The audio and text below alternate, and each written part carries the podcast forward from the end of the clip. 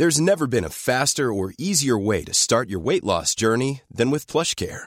PlushCare accepts most insurance plans and gives you online access to board-certified physicians who can prescribe FDA-approved weight loss medications like Wigovi and Zepbound for those who qualify. Take charge of your health and speak with a board-certified physician about a weight loss plan that's right for you.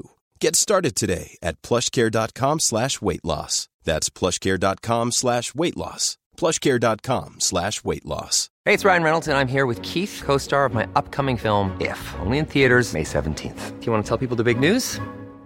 All right, I'll do it. Sign up now and you'll get unlimited for $15 a month in six months of Paramount Plus Essential Plan on us. Mintmobile.com slash switch. Upfront payment of $45 equivalent to $15 per month. Unlimited over 40 gigabytes per month. Face lower speeds. Videos at 480p. Active Mint customers by 531.24 get six months of Paramount Plus Essential Plan. Auto renews after six months. Offer ends May 31st, 2024. Separate Paramount Plus registration required. Terms and conditions apply if rated PG. Känner du att du skulle vilja, men inte alltid vågar säga ifrån när folk går över dina gränser? Och kanske säger något som sårar dig eller någon annan?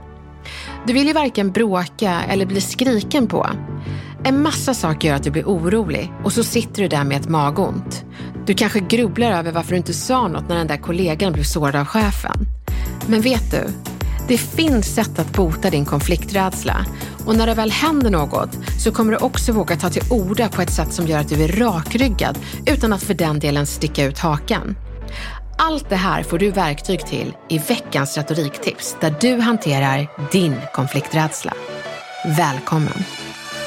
Det här är veckans retoriktips i Snacka snyggt med Elaine Eksvärd.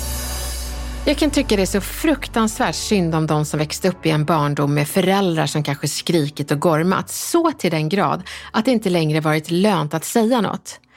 Har man en sån barndom så blir man lätt den där vuxna som skulle vilja säga till men inte vågar.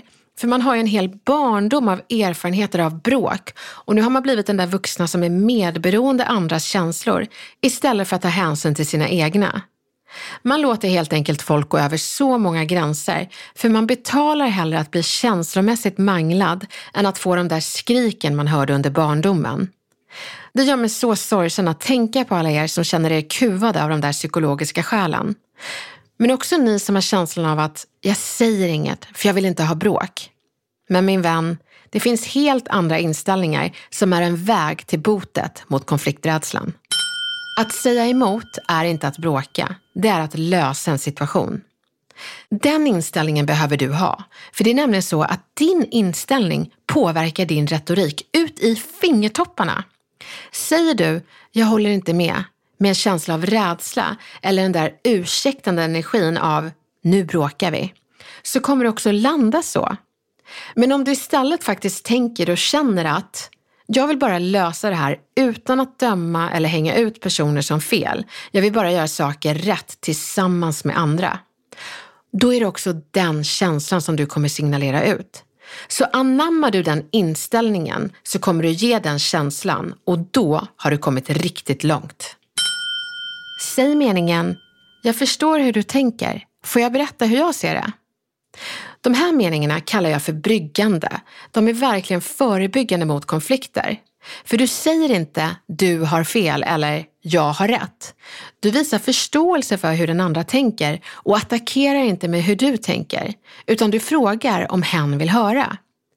Bara en otrevlig skulle kunna säga nej, jag vill inte lyssna efter hen precis blivit lyssnad på. Så de här bryggande meningarna, det blir en bra mjukstart för dig som känner dig konflikträdd. Att fråga innan du tar ordet, det är ett bra mjukt första steg för dig. Så ta det steget vet jag. Var noggrann med dina intentioner. Ett sätt att förebygga bråk när någon har sagt eller gjort något som landat fel är att visa dina goda intentioner innan du drar dina gränser.